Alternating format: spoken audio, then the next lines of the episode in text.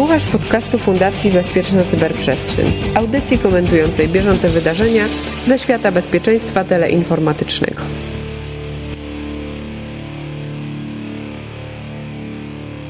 Jesień. Zmienia się nie tylko pogoda, zmienił się też sposób, w jaki pracujemy. Do sieci przenoszą się biura, przenoszą uczelnie. W tych nowo-starych warunkach witają Was Mirek Maj i Łukasz Jachowicz. Zaczynamy 106 odcinek podcastu Cyber Cyber. Posprzątałeś po wirtualnym e, SCS-ie? Jak wrażenia? No właśnie organizatorzy zaraz po zakończeniu nas poinformowali, że musimy posprzątać Expo.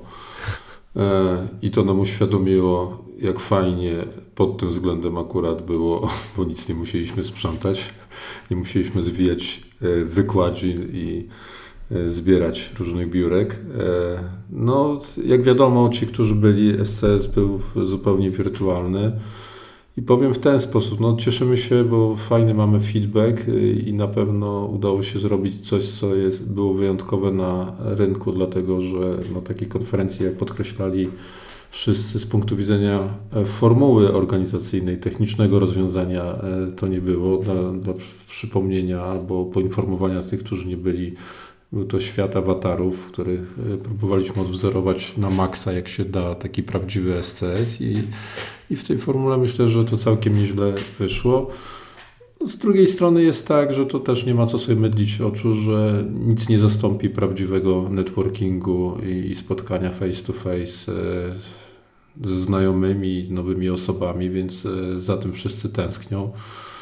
I tyle, no tak bym, tak bym podsumował. Także feedback fajny, ale i tak e, tęsknimy za prawdziwym SCS-em.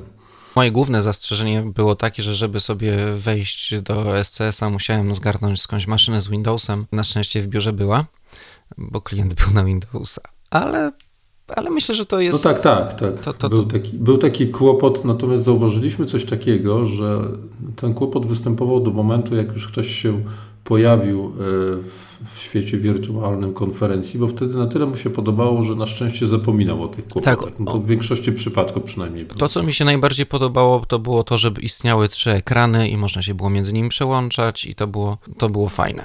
Mi na przykład bardzo podobała się ta funkcja, że mogłem z listy odnaleźć osobę, z którą chciałem się spotkać i po prostu awatar pobiegł do niej i się spotykaliśmy, można było wtedy już rozmawiać i tutaj rzeczywiście dosyć blisko było coś takiego, takie poczucie, że nie wiem, odejdziemy na bok, siądziemy przy stoliku w strefie, bo tak ten system jest zbudowany, że można sobie usiąść przy stoliku i w strefie prywatnej nie być słyszanym przez innych i porozmawiać o czymś, albo niektórzy robili takie prywatne rozmowy pływając motorówką wokół wyspy, na której był STS. Nie no. Nawet dopływali do końca, do końca świata niektórzy. Czyli jednak świat jest płaski. Tak, tak, to, to, to, to, nie ma wątpliwości. Dobrze, to przejdźmy do doniesień z ostatnich e, okresów i chyba zaczniemy niestety znowu tradycyjnie.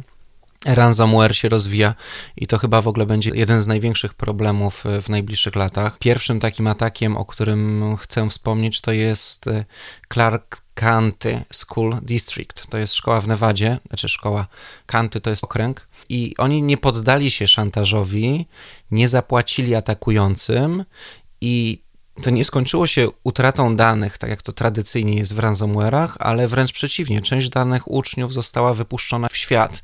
To były tam nazwiska, social security numbers, które dla Amerykanów są bardzo ważne, e, adresy, bliżej nieokreślona w komunikatach prasowych informacja e, finansowa i to jest w ogóle taki pojawiający się od pewnego czasu trend, związany chyba z tym, że maleje nam, e, w każdym razie taką mam nadzieję, skuteczność ataków mających na celu wyłącznie odcięcie dostępu od danych, na przykład szyfrujących te dane. Nie wiem, ludzie nauczyli się robić backupy, i pojawiają się ataki ransomware związane już z takim tradycyjnym wymuszeniem pod tytułem: Jeżeli nie zapłacisz, to nie dość, że się pożegnasz z danymi, ale też y, backup Twoich danych zostanie wypchnięty w świat. I drugim takim celem ataku, y, o którym czytałem w ostatnich tygodniach, są ataki na placówki zdrowotne. I to już jest y, dla mnie bardzo zły trend. I tylko z ostatniego miesiąca dwa przykłady. Universal Health Services. Sieć e, szpitali różnych placówek, prawie 400 placówek mają różnych, robią backupy każdego wieczoru.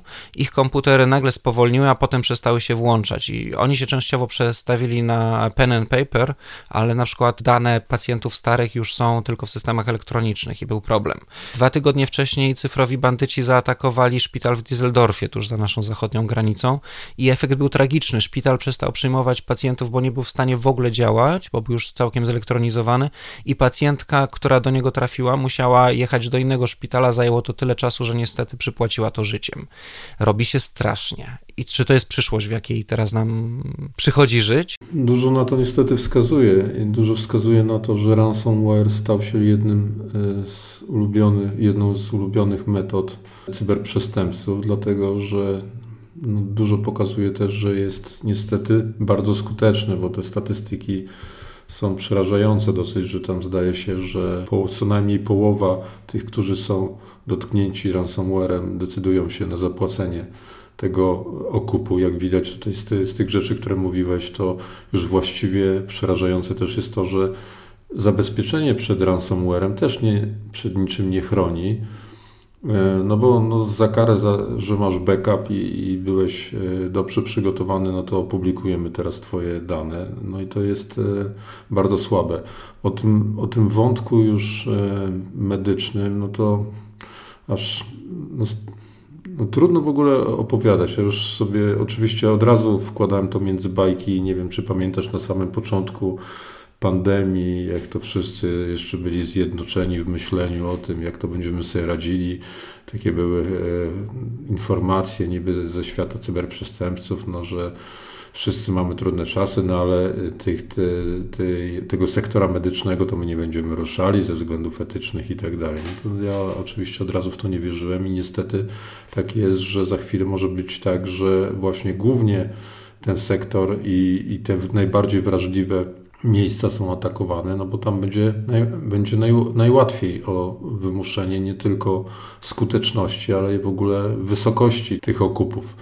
Ciekawe w ogóle jest działanie niemieckiej prokuratury, która e, tam czytałem, że rozważane jest e, śledztwo nie w sprawie cyberwymuszenia, tylko w sprawie manslaughter, to się nazywa, czyli działanie, którego efektem jest śmierć e, człowieka. Ale ja myślę, że jak najbardziej to to jest dobry trend, to znaczy po prostu przy tego typu rzeczach, które no, doprowadzają pośrednio, y, można tam szacować, no ale no, niewątpliwie przynajmniej pośrednio po, do tragedii doprowadzają, no to trzeba po prostu tę odpowiedzialność e, przerzucać na, na prawdziwych sprawców i, i być może tutaj okaże się, że chociaż w jakiś sposób odstraszające mogą być kary, które e, i jak i potępienie społeczne też e, dla, dla tego typu działalności, bo wszyscy już no, pamiętamy też obydwaj czasy, w których to wszyscy uważali w ogóle, że to jakaś tam zabawa i, i fajni chłopcy się bawią w, w internecie, w, jakieś, w jakieś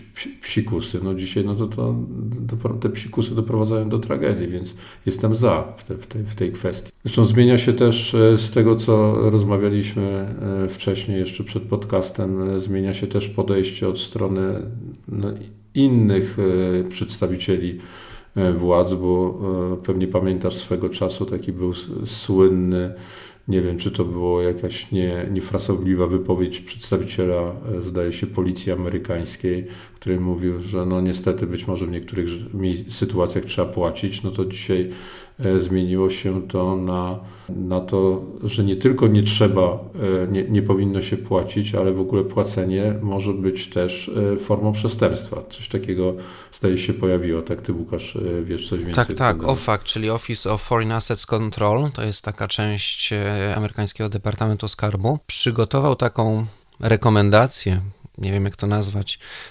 gdzie generalnie skupia się na tym, że bardzo często odbiorcami tych ransomware'ów, e, tych, tych, tych e, haraczy, mogą być instytucje, osoby, e, które są w krajach objętych embargiem i nie wolno przesyłać tam pieniędzy.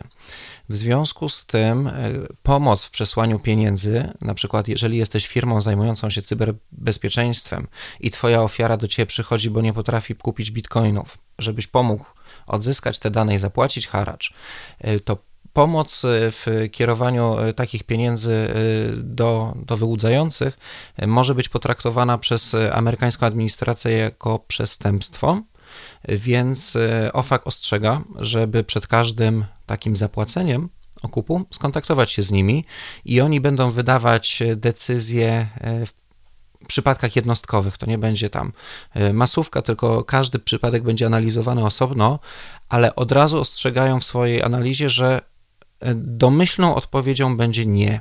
Odpowiedź negatywna. E, także ja mam nadzieję, że takie ostre przepisy, które spowodują, że i to muszą być przepisy niestety skoordynowane na całym świecie, które spowodują, że płacenie okupów jednak bez zgody państwa czy administracji jest przestępstwem, e, zmniejszy liczbę wypłacanych okupów. W związku z tym e, te ataki już przestaną się tak opłacać. Tak samo jak przestaje się opłacać, nie wiem, kradzież iPhone'ów, bo iPhone bez podania hasła jest nieużywalny. E, także może, może ta, tą drogą trzeba pójść. No, pe, pe, pewnie tak. No, no, no, natomiast tutaj o tyle różnica jest taka, że to, ta kradzież iPhone'a rzeczywiście jest no się w skutkach. No, no, nie, oczywiście skutki są zupełnie inne, prawda? prawda? Natomiast tu, tu jest ten problem tych, tych, tych skutków, tak, które mogą być wywołane, bo może nie być płacone, natomiast no, ten poszkodowany zostaje y, z problemem.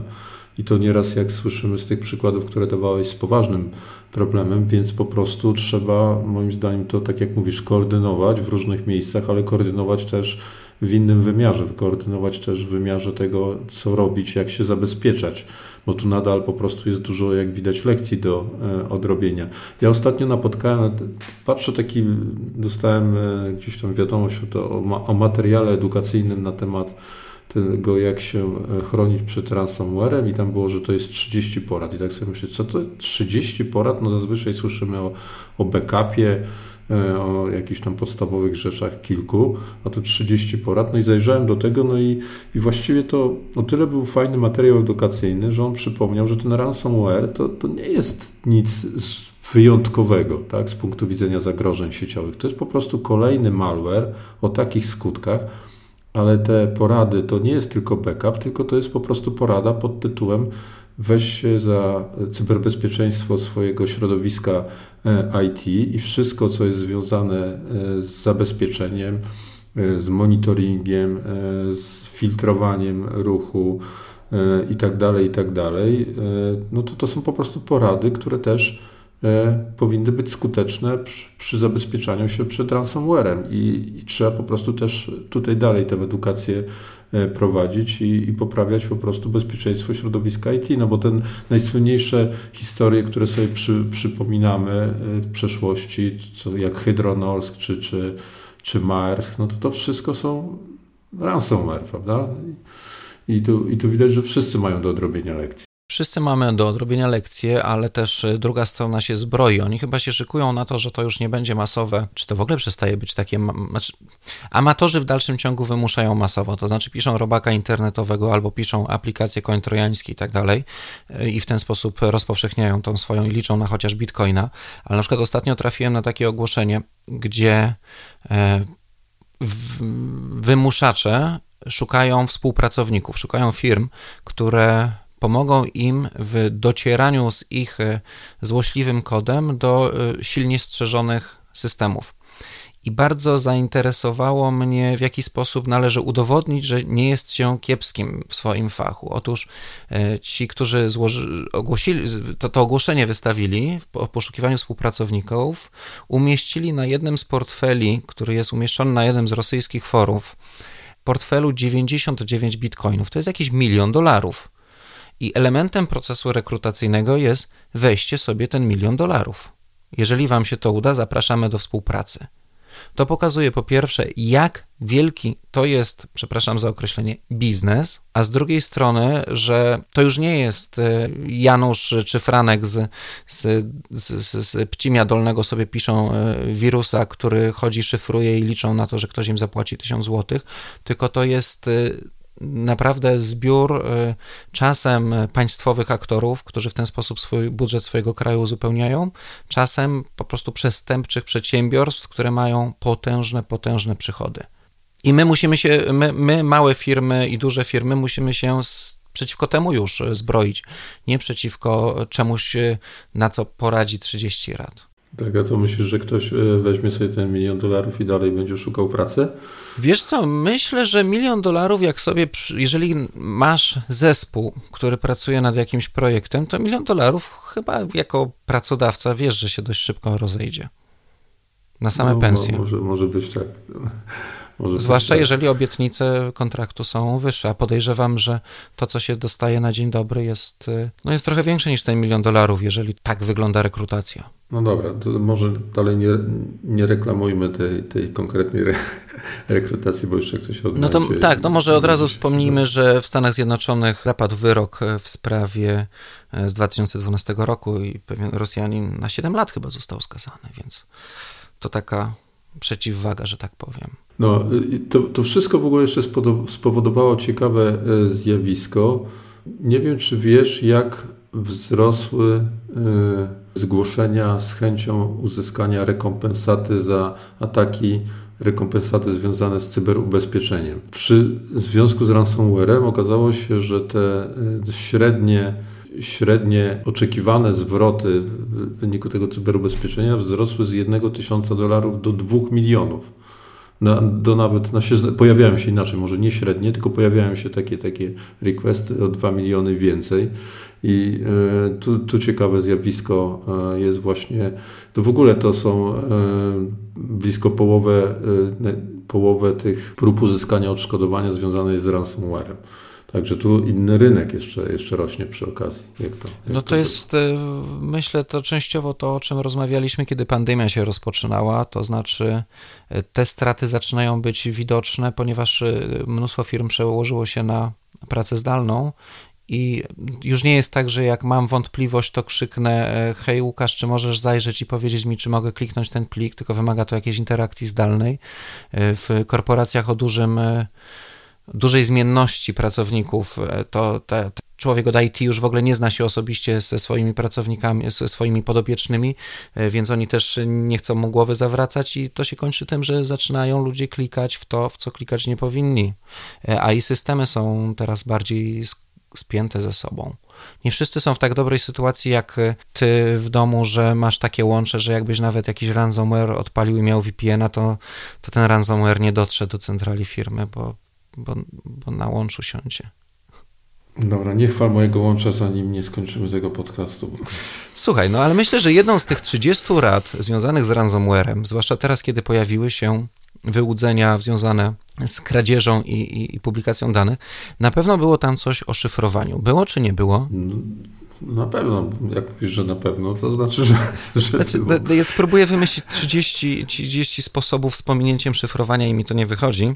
Komisja Europejska, idąc za światowymi trendami płynącymi prosto z Australii oraz zbiórek niektórych kongresmenów, taka notatka wypłynęła w Financial Timesie, że Komisja Europejska, tam pojawiła się analiza dotycząca możliwości wprowadzenia do stosowanych mechanizmów szyfrowania jakiegoś backdora, tak żeby legitne służby mogły zajrzeć do komunikacji szyfrowanej, ale przestępcy, broń Boże, nie, bo przecież szyfrowanie jest potrzebne, ale niestety z szyfrowania tak się akurat złożyło, korzystają również przestępcy i e, tam oczywiście standardowe argumenty, czyli przestępcy, narkotyki, mafia, e, ochrona dzieci i tak dalej, e, więc może byśmy rozważyli to, żeby na terenie Unii Europejskiej zrobić coś z tym okropnym szyfrowaniem. Nie brzmi znajomo? Łukasz, no tak, no właśnie miałem jakby takie przemyślenie, że właściwie moglibyśmy kiedyś zrobić taki podcast, że poruszamy nowy temat, ale omawiamy go archiwalnym nagraniem.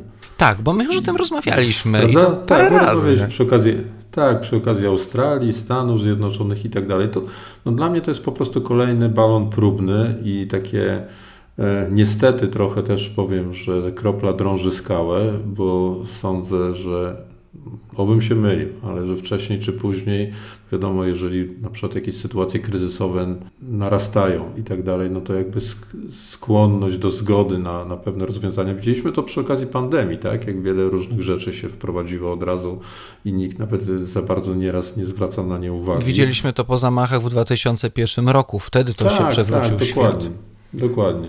I teraz no, e, kolejny, kolejny balon próbny jest e, wypuszczany. Ja myślę, że e, pomysłodawcy tego wiedzą dobrze, że to jeszcze nie jest ten moment, ale jak nie będą drążyli, to ten moment nie nastąpi. Oby musieli drążyć jak najdłużej, o tak jakby podsumuję, bo nie za bardzo mi się chce powtarzać tutaj tych, tych wszystkich argumentów, idąc od, wiesz, takich akademickich, prawda, że co, co jest prawdziwym bezpieczeństwem, później do czego to można e, wykorzystywać, wszystkie analogie związane z młotkiem, nożem i tak dalej, prawda, to no, możemy to wszystko, wszystko po, powtarzać. Dobrze, że odnotowujemy, bo my, tak jak oni drążą, to, to my też...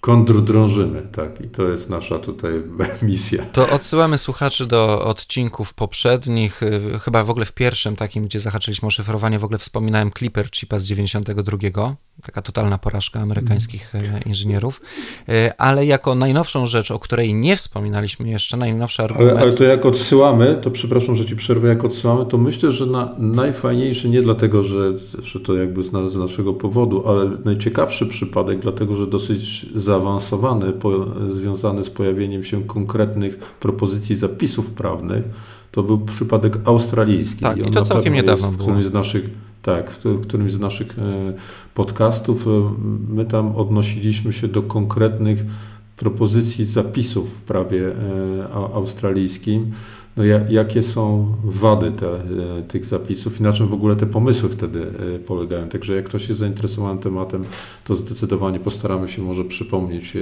w notatkach do tego podcastu, o który, o który odcinek nam chodzi. My mamy taką generalnie zasadę w podcaście, że nie chcemy, żeby to był przegląd tego, kogo akurat aresztowano, więc dużo rzeczy pomijamy, ale mm, tak, żeby naszym słuchaczom nie umknęło, e, nawet, e, bezpiecz... nawet, super szyfrowanie nie zabezpiecza przed legitnymi działaniami służb, gdyż e, zaraz czerwiec to był chyba albo no w pierwszej połowie 2020 roku czytaliśmy o aresztowaniu ponad 700 osób z 60 tysięcy użytkowników czegoś, co się nazywa EncroChat.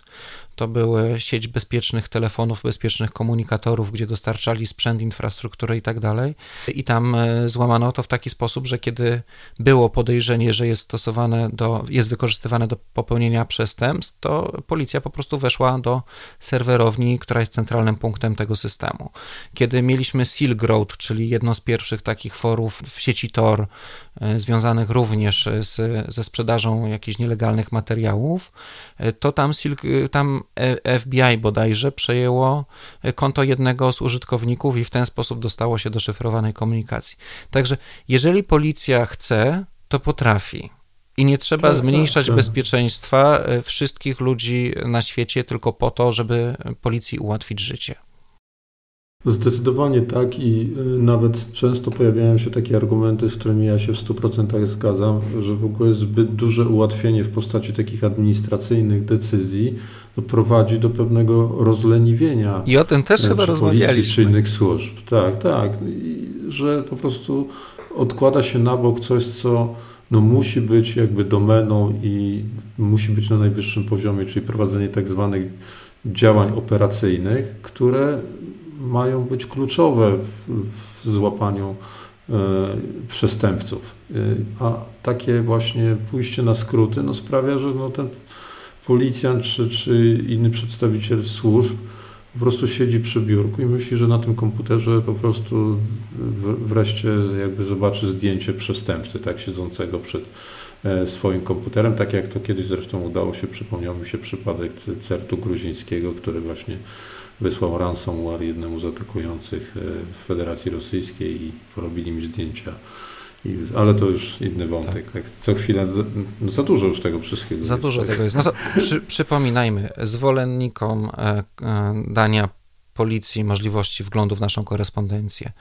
Organ nieużywany zanika. Pozwólcie służbom używać mózgu. Oni chcą. Tak. Oni chcą.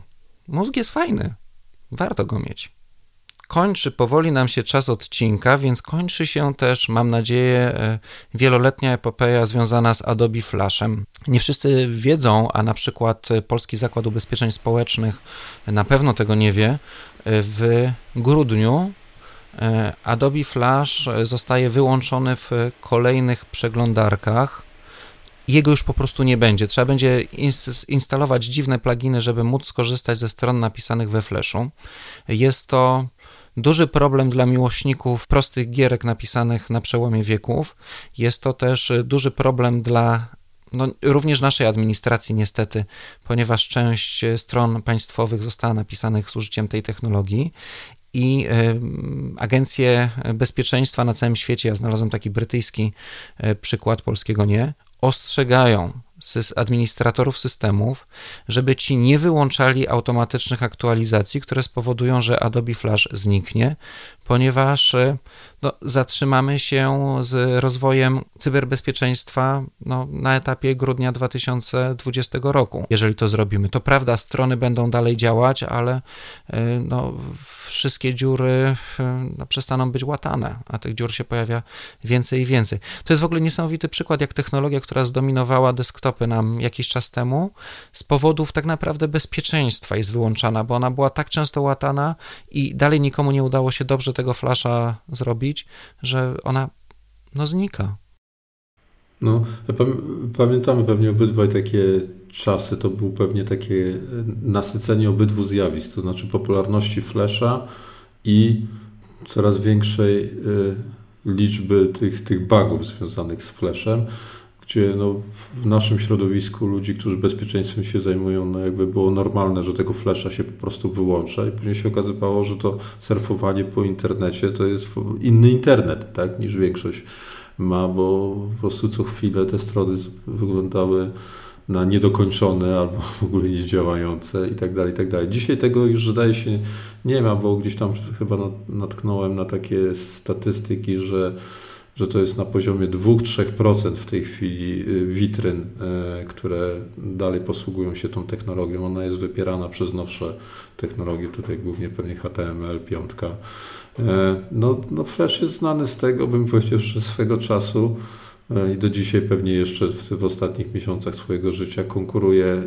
chyba tylko Java jest w stanie konkurować z nim, jeśli chodzi o liczbę bugów w ciągu ostatnich 20 lat, no to zgadnij, bo ja sprawdziłem sobie, y, ile w bazie CVE jest takich bugów związanych z Flashem od 2002 roku. No ja, ja podejrzewam, że to idzie w tysiące grube.